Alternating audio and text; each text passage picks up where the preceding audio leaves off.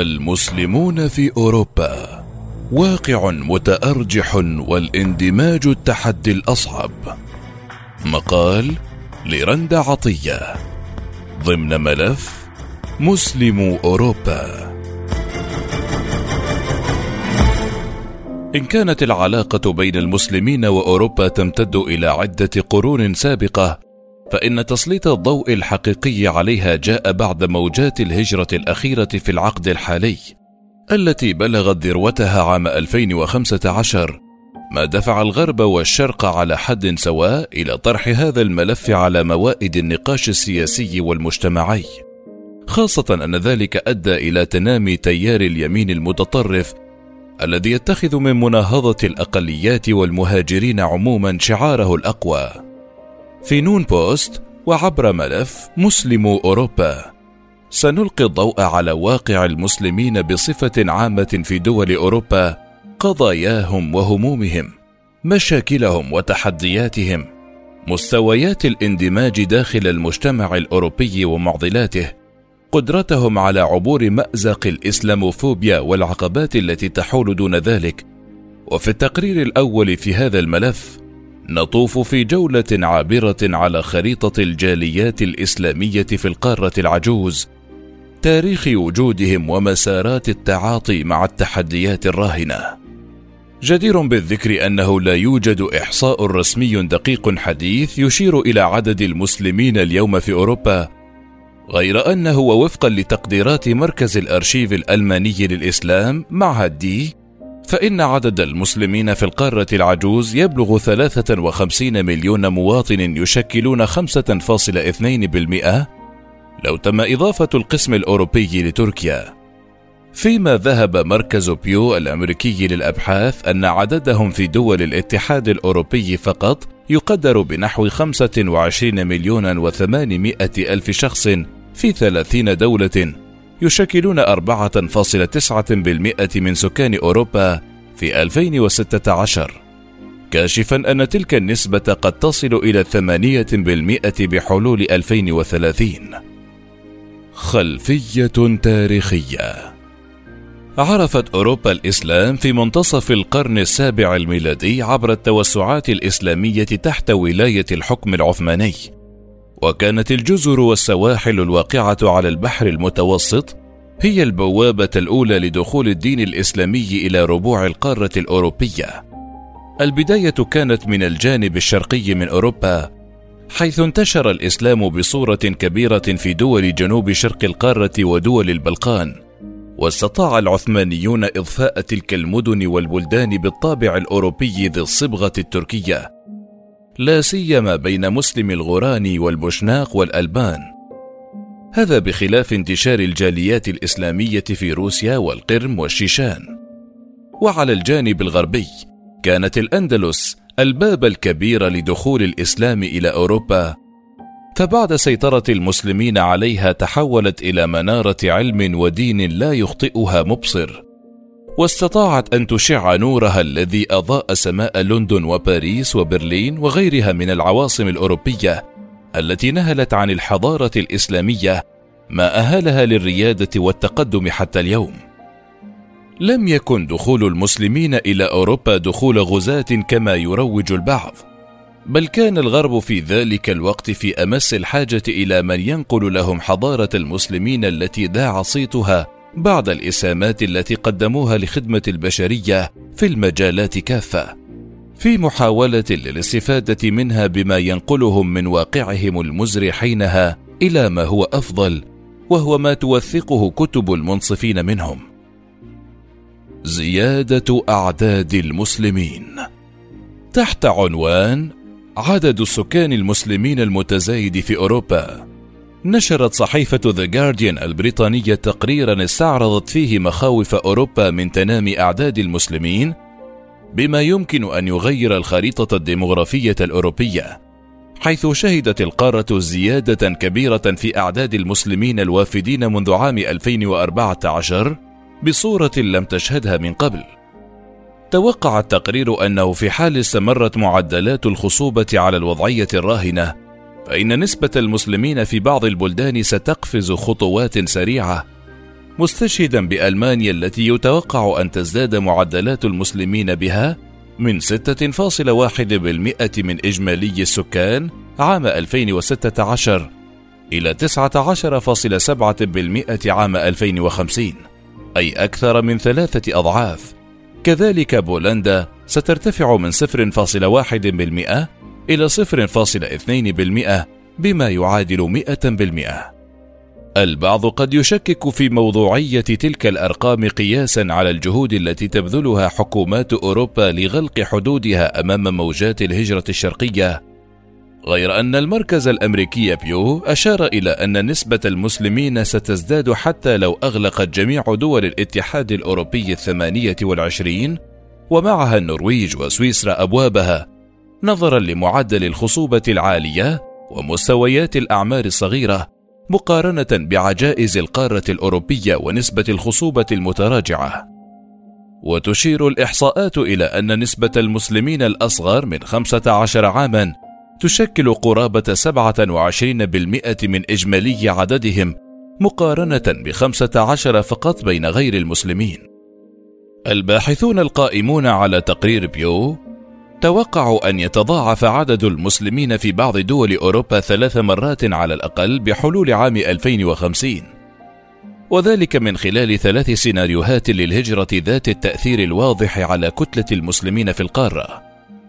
السيناريو الأول يتعلق بعدم حدوث أي هجرة للمسلمين إلى أوروبا، وفي تلك الحالة سيزداد العدد من 4.9% إلى 7.4%، ومن المتوقع أن يكون لفرنسا الحصة الكبرى من تلك الزيادة في أعداد المسلمين، لترتفع من 8.8% حاليا إلى 12.7% عام 2050 باستثناء قبرص التي يشكل فيها المسلمون أكثر من 25% بسبب القبارصة الأتراك. السيناريو الثاني يشير إلى وجود هجرة متوسطة من المسلمين إلى أوروبا، وهنا ستزداد الحصة نسبية لدى بعض الدول أبرزها السويد، التي من المرجح أن تصل إلى 20.5%، بينما ترتفع نسبتهم في بريطانيا من 6.3% عام 2016 إلى 16.7% وفي فنلندا من 2.7% إلى 11.4% وهذا حال معظم دول غرب أوروبا تحديدا. السيناريو الثالث. أن تكون هناك هجرة مرتفعة لظروف سياسية أو أمنية ما وهنا ستزداد النسبة بمعدلات أكبر من المتوقع ويكون للسويد نصيب الأسد من نسبة المسلمين إلى إجمالي عدد السكان بمعدل 30.6% وفي فنلندا 15% وفي النرويج 17% وخلص التقرير إلى حتمية زيادة نسبة الأقلية المسلمة عاما تلو الآخر بصرف النظر عن خريطة الهجرة من عدمها وهو الأمر الذي أقلق الكثير من مفكري وقادة أوروبا لا سيما أبناء اليمين المتطرف الذي حذر أكثر من مرة بطريقته العنصرية الفجة من خطورة تلك الزيادة على مستقبل أبناء القارة وطالب بالتصدي للمسلمين وتجفيف منابعهم في بلدان أوروبا. تعاظم دور المسلمين.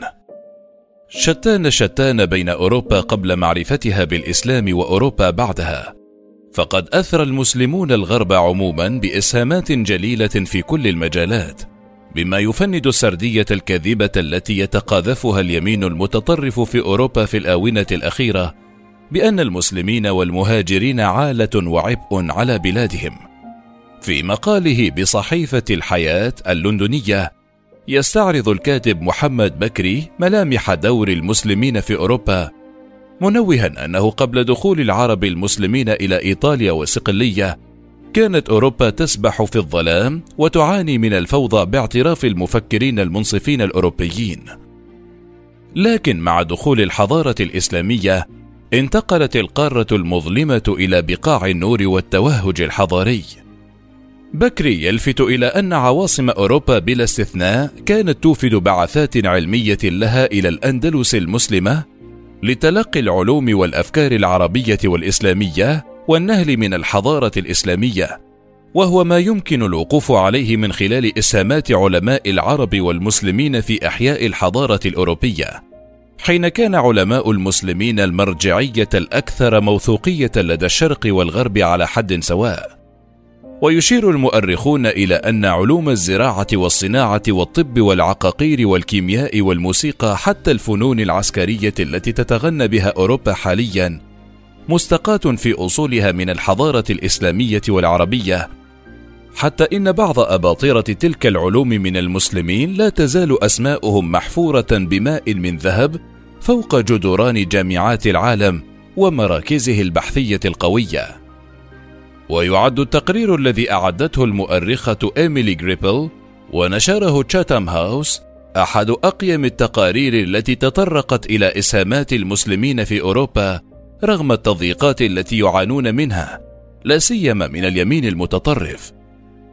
إذ تحدثت جريبل في كتابها المسلمون وصنع أوروبا الحديثة عن مساهمة المسلمين المحورية في تشكيل معاني المواطنة الأوروبية من خلال إعادة صياغة كل من القواعد العلمانية الإمبريالية وكذلك الأحكام الفقهية الإسلامية. لتلائم سياقها الفريد بما يواكب تطورات العصر. ومن أشهر ما قيل في فضل دور المسلمين في أوروبا ما أشار إليه المفكر الغربي ديبل حين قال: العرب حملوا معهم إلى جزيرة صقلية مظاهر فنهم وقناطرهم العالية الجميلة وبهيج صناعاتهم وليدة علمهم. كذلك ما قاله الفرنسي جوستاف لوبون في كتاب حضارة العرب عالمية الحضارة الإسلامية. لم يقتصر فضل العرب والمسلمين في ميدان الحضارة على أنفسهم فقد كان لهم الأثر البالغ في الشرق والغرب. فهما مدينان لهم في تمدنهم وإن هذا التأثير خاص بهم وحدهم. فهم الذين هذبوا بتأثيرهم الخلقي البرابرة. أما ريتشارد كوك في كتابه مدينة السلام يقول إن أوروبا لتدين بالكثير لإسبانيا العربية فقد كانت قرطبة سراجا وهاجا للعلم والمدنية في فترة كانت أوروبا لا تزال ترزح تحت وطأة القذارة والبدائية. ويشاركه في الرأي ريني جيبون حين قال: لم يدرك كثير من الغربيين قيمة ما اقتبسوه من الثقافة الإسلامية، ولا فقهوا حقيقة ما أخذوه من الحضارة العربية في القرون الماضية. سوق دعوي وسيولة دينية. على عكس معظم أبناء المذاهب والديانات الواحدة أو حتى الأقليات العرقية المتشابهة يعاني المسلمون في أوروبا من غياب التجانس. فالفضاء مكتظ بكل التموجات الدينية. سوق دعوي كبير كما يطلق عليه الباحث المغربي المتخصص في الشأن الإسلامي منتصر حمادة. يضم تحت لوائه أبناء التيار السني والشيعي الإخواني والسلفي مع تعاظم أبناء الصوفية. وعلى الجانب الإداري هناك المساجد والمراكز الثقافية كذلك جمعيات رسمية وأخرى شبه رسمية تعني بتمثيل الأقلية الإسلامية. كلها تساهم بشكل أو بآخر في التأطير الديني للأقليات غير أن العقود الأخيرة شهدت تغييرات جذرية في ملامحها التنظيمية والدعوية على حد سواء بحسب الباحث المغربي. يتطرق حمادة في مقاله إلى أن تمويل تلك المراكز والمساجد في الغالب يكون من دول إسلامية غير أوروبية، إما دعما لمسارات الدعوة وإما تنفيذا لأجندات معينة. وهو ما كان له صداه السلبي لدى بعض الحكومات التي اتخذت قرارات مؤخرا بتجفيف منابع تمويل المساجد. في محاولة للسيطرة عليها لإنتاج إسلام وسطي أوروبي كما هو الحال في فرنسا. وتتصدر السعودية قائمة الدول الأكثر انفاقا على بناء المساجد في أوروبا بميزانية تبلغ سنويا ما بين مليارين إلى ثلاث مليارات دولار. تليها قطر وتركيا والجزائر والمغرب بحسب صحيفة آل كونفيدنشال وتعد إيطاليا أول دولة تعلن رسميا أن بناء وصيانة المساجد لديها تتحملها قطر التي خصصت عام 2016 قرابة 25 مليون يورو أنفقت على بناء 43 مسجدا. كما سمحت إسبانيا هي الأخرى للدولة الخليجية بتمويل بناء 150 مسجدا لديها حتى عام 2020 مقابل تحملها صيانة مسجد قرطبة الشهير هذا بخلاف 200 مليون يورو كانت قد خصصتهم السعودية لبناء 200 مسجد في ألمانيا عام 2015 الأزمة والحل يعد الاندماج أبرز المؤشرات الموضوعية التي تقيس مدى نجاح أي جالية أو أقلية في بلد غريب. وفي الحالة المسلمة الأمر ربما يكون أكثر قسوة إذا فشل المسلمون في تحقيق مستويات جيدة في هذا المؤشر. لما قد يترتب عليه من تداعيات قاسية؟ ربما تدفع البعض إلى الهروب والمغادرة. في عام 2017 كشفت دراسة بأوروبا تحقيق المسلمين في دول غرب أوروبا تقدما ملحوظا في مؤشرات الاندماج في اللغة والتعليم والحياة الوظيفية والحوار بين الإسلام وبقية الأديان داخل مجتمعات فرنسا وبريطانيا والنمسا وألمانيا وسويسرا. وفي تعليقها على الدراسة أشارت المتحدثة باسم منظمة المجتمع التركي الألماني إيسي ديمير أن الوضع ليس قاتما بالنسبة إلى المسلمين بشأن الاندماج مع المجتمعات الأوروبية كما تصوره وسائل الإعلام، لكن هناك عدم قبول من بعض الأوروبيين وأن هذا الأمر تصاعد مؤخرا بعد تنامي تيار اليمين المتطرف. وتهدف نتائج الدراسة التي نشرها معهد بيرتلسمان شتيفتونغ الألماني تحت عنوان المسلمون في أوروبا اندماج ولكن دون قبول مجتمعي. إلى قراءة خريطة اندماج المسلمين في المجتمعات الغربية. مستندة إلى نتائج مقابلات أجريت مع نحو عشرة آلاف شخص داخل الدول الخمسة مستطلعة آراء ما بين ألف وألف وخمسمائة شخص في كل دولة. وفي الوقت ذاته استبعدت المهاجرين الذين قدموا إلى أوروبا منذ عام 2010 كونهم لم يقضوا الفترة الكافية للاعتماد على آرائهم في مسألة الاندماج. وتمحورت مؤشرات قياس الاندماج حول أربع مؤشرات رئيسية: التعليم والتوظيف والراتب وعلاقتهم مع غير المسلمين. وأظهرت الدراسة نجاح الاندماج الخاص باللغة بشكل كبير في ألمانيا وفرنسا وبريطانيا بينما قل نسبيا في النمسا وسويسرا. أما في التعليم فتأتي فرنسا في الصدارة إذ إن قرابة 89% من المسلمين أكملوا تعليمهم بعد سن السابعة عشر عاما. وتقل نسبيا في بريطانيا لتصل إلى 80% ثم 64% في ألمانيا وستين بالمئة في النمسا وستة وعشرين بالمئة في سويسرا. أما في مجال العمل والفرص المتساوية تأتي ألمانيا في المرتبة الأولى وربما الوضع قد يكون تغير نسبيا في الأعوام الأربع الأخيرة. وفي سؤال عن مدى تقبل الأوروبيين للمسلمين داخل مجتمعاتهم جاءت النمسا في المرتبة الأولى من حيث رفض المسلمين بنسبة 25% تلت بريطانيا بنسبة 21% ثم ألمانيا 19% وسويسرا 17% وأخيرا فرنسا بأربعة عشر بالمئة. لكن في الناحية الأخرى فإن هذا لم يمنع المسلمين من إقامة صداقات مع الأوروبيين فجاءت نسبة من كونوا صداقات من المسلمين في سويسرا 87% تلتها فرنسا 78% ثم ألمانيا 68% العنصرية السلاح الأكثر فتكًا. تنامى خطاب الكراهية ضد المسلمين في أوروبا خلال الأعوام السبع الأخيرة بصورة لم يشهدها من قبل، وهو التنامي الذي رافق صعود التيار اليمين المتطرف الذي نجح في تلك الفترة في ترسيخ أقدامه واستعادة هيبته وشعبيته مرة أخرى ويمكن الوقوف على ذلك من خلال عدد من المؤشرات. في استطلاع رأي أجرته وكالة الاتحاد الأوروبي للحقوق الأساسية عام 2016 على أكثر من عشرة آلاف مسلم في 15 دولة أوروبية كشف أن قرابة 92% من المسلمين عانوا من التمييز العنصري بأشكاله المختلفة.